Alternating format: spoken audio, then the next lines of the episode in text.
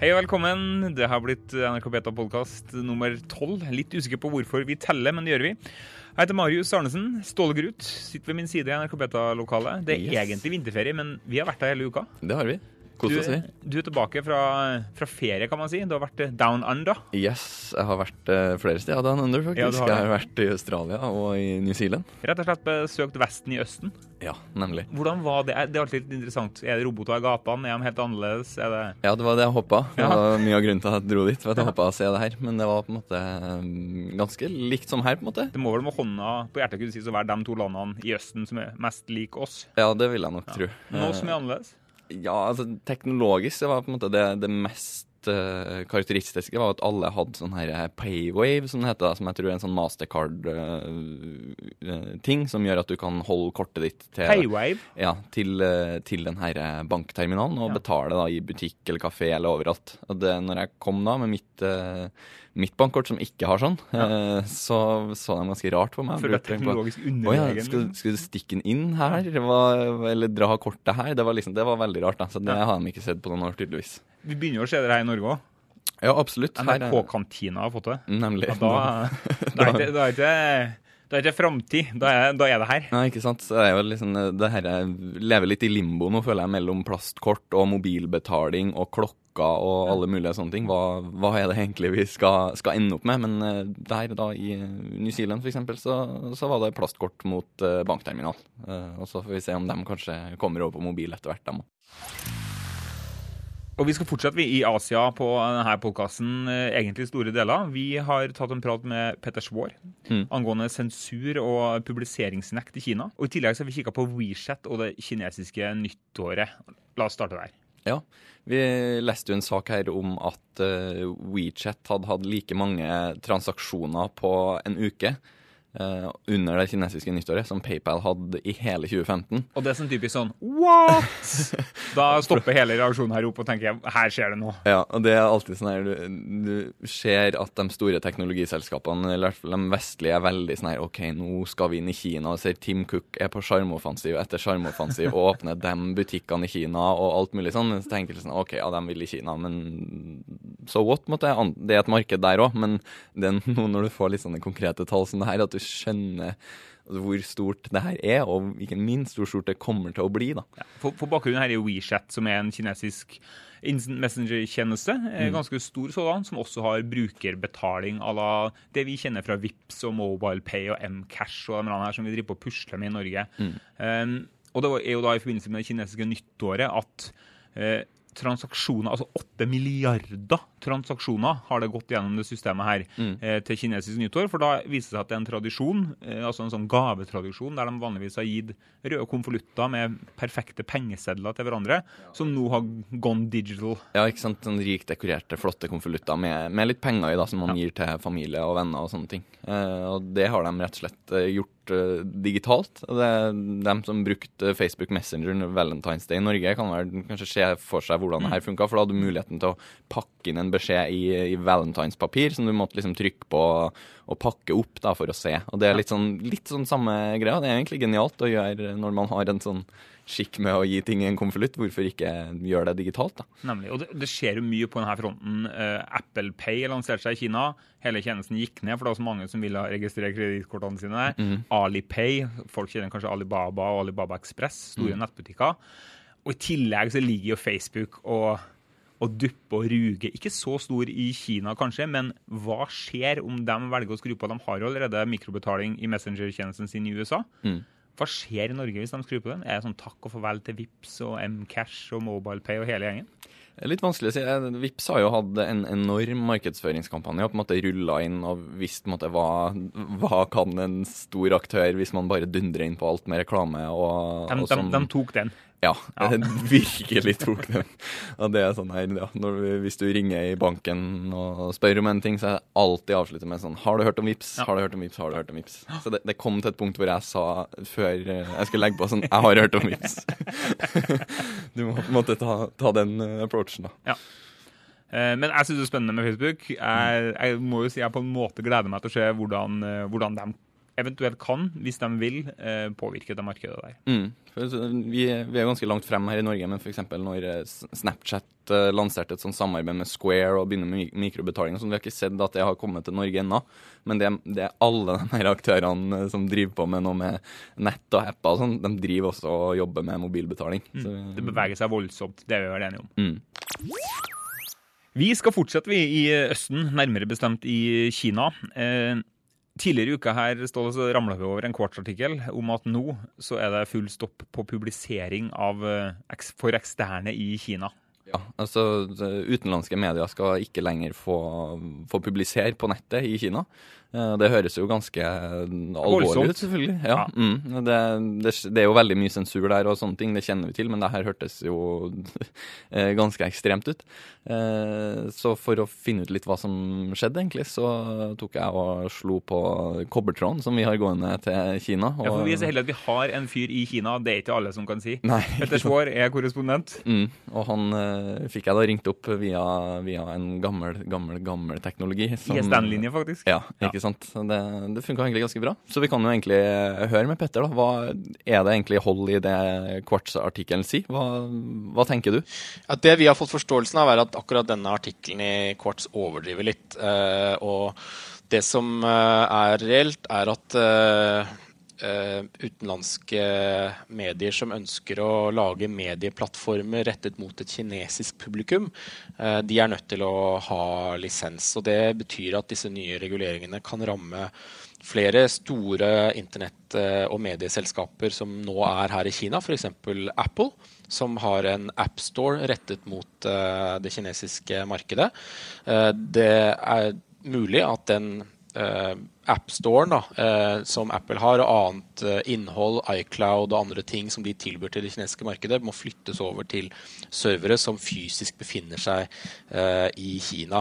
Og Det samme vil gjelde for Microsoft sine skytjenester. Det vil gjelde for spillkonsoller som Xbox og den type ting. men slik vi har forstått det, så vil det da ikke gjelde f.eks. NRK, som har et kontor her hvor vi publiserer artikler på norsk eh, i Norge. Riktig. Det, hvor stort er på en måte de her utenlandske tjenestene i, i, Kina? De er ikke så veldig store, og en av grunnene til det er jo at uh, mange av de store utenlandske nettstedene her lenge har vært blokkert av uh, brannmuren. Uh, Google er det jo fire, fem, seks år siden vel at du har kunnet logge deg inn på fra en PC uten VPN-tilknytning her i Kina. og det har også ført til at det har kommet kinesiske selskaper som har fylt det rommet. Kina har Baidua, som er sin egen utgave av Google, og ganske lik. De har sin egen utgave av Twitter, som heter Weiboa. Uh, og de har ikke Facebook, men de har en slags hybrid av Facebook og WhatsApp, vil jeg kalle det, som heter WeChat, eller Weichin kinesisk, som uh, gir deg mye av den samme funksjonaliteten da, med en slags, en slags feed, og du kan chatte med vennene dine og dele bilder og, og, alt det der. Så Kina er jo i ferd med å bli verdens største internettmarked nå, med 650 millioner nettbrukere, men også det markedet som nok er mest avskåret fra resten av verden. Det er jo ikke bare teknologiske grunner til det, det har jo også med en språkbarriere at det ikke er så mange kinesere som foretrekker å bruke nettsider på engelsk, de foretrekker kinesisk. Um, og Derfor så, så er Kina nesten, ikke helt, men nesten et intranett i verden. Riktig. Apple og, og Google f.eks. gjør jo mange framstøt for å, for å bli, bli store i Kina, fordi det er et eh, stort markedspotensial der. Men er det, er det en kamp de på en måte kan vinne, eller er det myndighetene som ønsker å holde alt det her kinesisk og på en måte under kontroll? Er det det som ligger bak? Uh, ja, Når det gjelder Google, så har brant de seg. og Google var jo på det kinesiske markedet i uh, flere år, men trakk seg ut i 2010 fordi uh, de fikk krav fra kinesiske myndigheter om overlevering av personopplysninger, og særlig knyttet til dissidenter, som de følte at de ikke kunne akseptere. det første selskapet som virkelig brant seg på det kinesiske markedet, var Yahoo.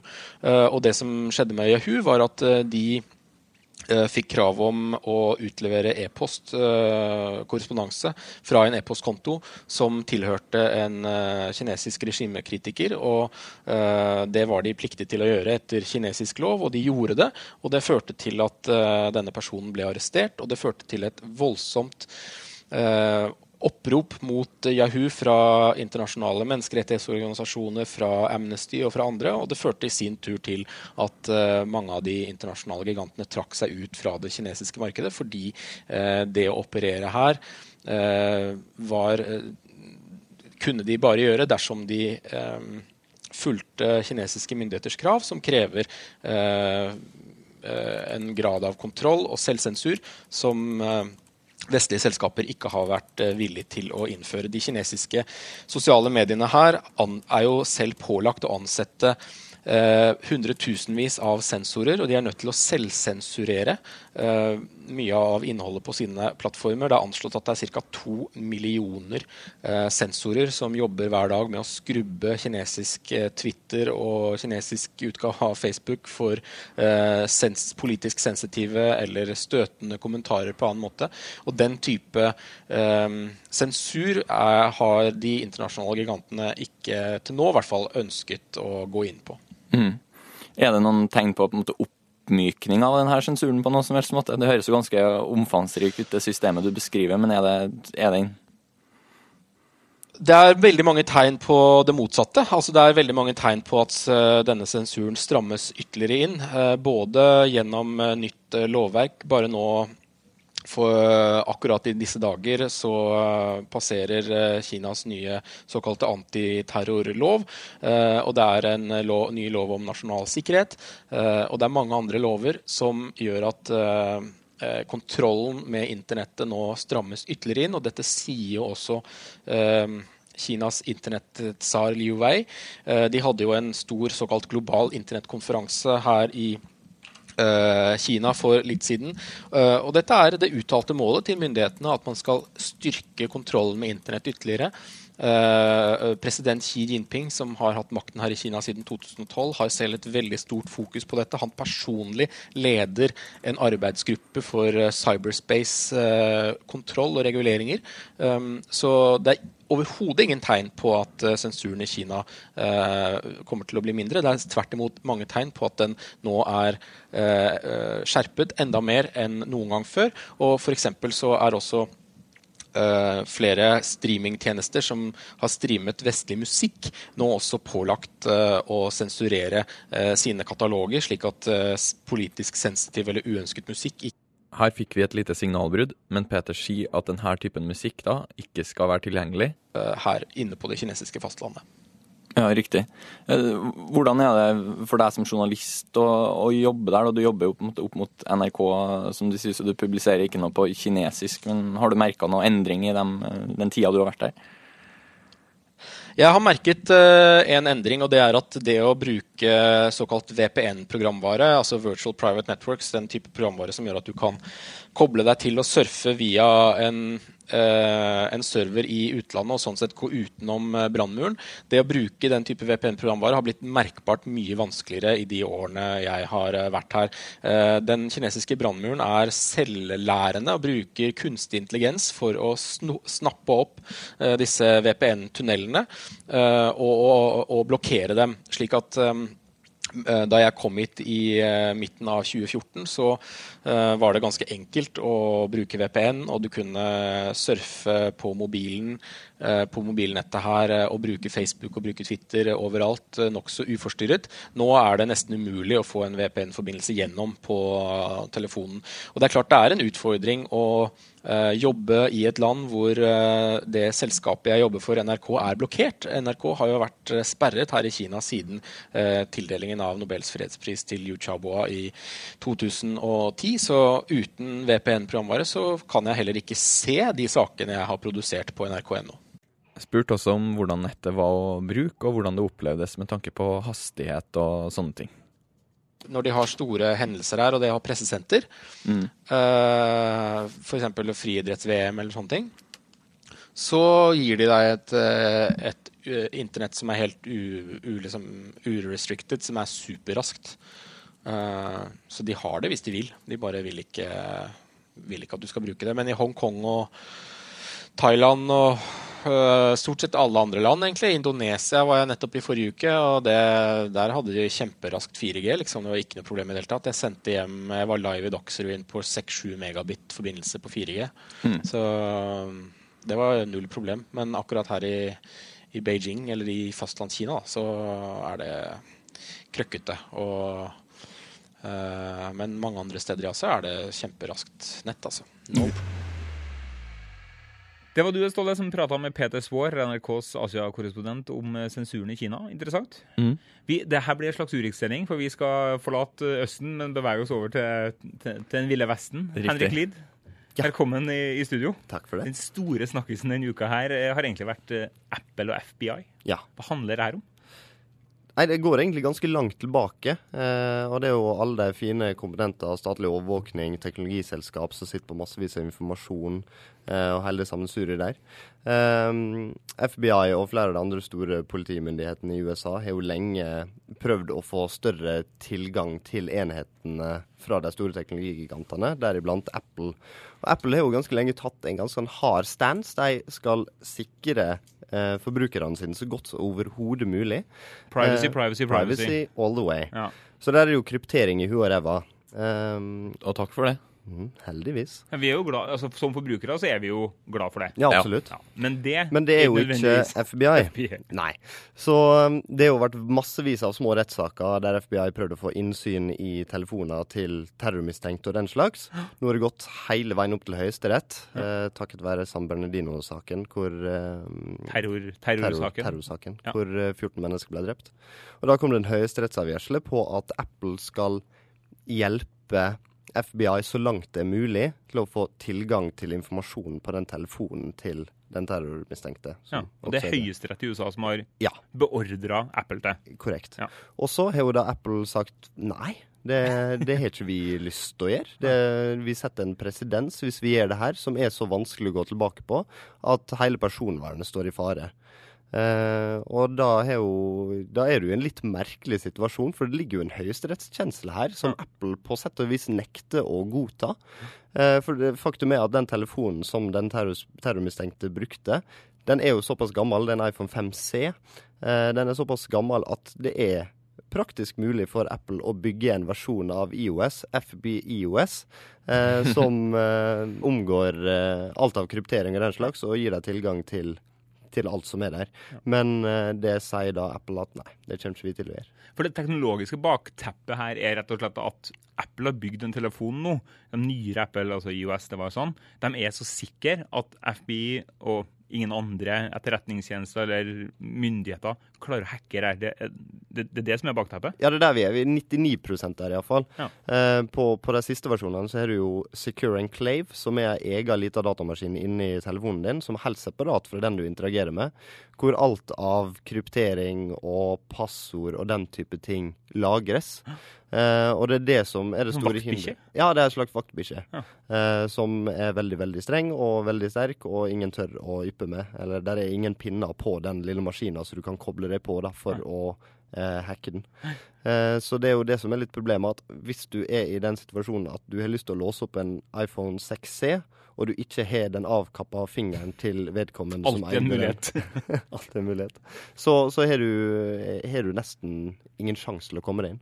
Hvor står resten av uh, denne her, mobil- og teknologibransjen? Mange har Android-telefon, noen har Windows-telefoner. Microsoft, Google, Facebook. Hvor, hvor er dem i det her? Det er jo et litt mer fragmentert felt, fordi det er jo massevis av produsenter bak de ulike Android-telefonene som folk bruker. Eh, så så der, er det, der er det ikke like enkelt å si at alt der er kryptert, men der er det jo mange som har gått for ganske hardbarka kryptering på de enhetene også. Men Står de på Apples side, eller føyer de seg etter myndighetene? Det kom en liten beskjed i dag om at både Alphabet, som det nå heter, Ja. eh, og flere av de andre store har kasta seg bak Apple i den eh, bestemmelsen om å ikke følge høyesterettsorden. Spennende å følge med på. Veldig. Er du bekymra, Ståle? Jeg er litt bekymra, selvfølgelig. Eh, Så kommer det sånn her eh, eh, undersøkelse fra Pew som sier at nei, flertallet av amerikanerne vil at eh, FBI skal få tilgang til telefonene. Og tenker sånn nei, nei, nei, ikke hvis eh, Ikke la Er vi der igjen allerede, liksom? folkeopinionen eh, si at det er greit, liksom. Men der er liksom sånn Det kan jo være veldig eh, mye som får en sånn spørreundersøkelse til å slå ut på den måten. Men jeg håper jo virkelig at Apple vinner fram her. Og det, jeg vil jo tro at det å ha såpass godt personvern og at de tar det på alvor, tror jeg vil være en sånn eh, suksessformel for, eh, for næringslivet i framtida. Altså. Å, vi snakka jo med Petter her om at eh, Yahoo, som på en måte bøyer etter for kinesisk press, da, da går man på en smell. Og det Det, det er morsomt at parallellene nå kan trekkes så tydelig mellom et kinesisk regime og en, og en amerikansk regjering. Altså, de står langt unna hverandre, men kanskje ikke så langt unna hverandre likevel. Nei, satt hos Jim Donald Trump på banen og sa at dette her må jo absolutt appellere, og hvis ikke så bør alle amerikanere boikotter Apple sine produkter. Men da er det jo betimelig å spørre hvem har på en måte egentlig høyest popularitet av Trump og Apple. Jeg tror Apple vinner. Det gjenstår å se hvem som har høyest popularitet, Apple eller Trump. Vi følger i hvert fall med på den saken her.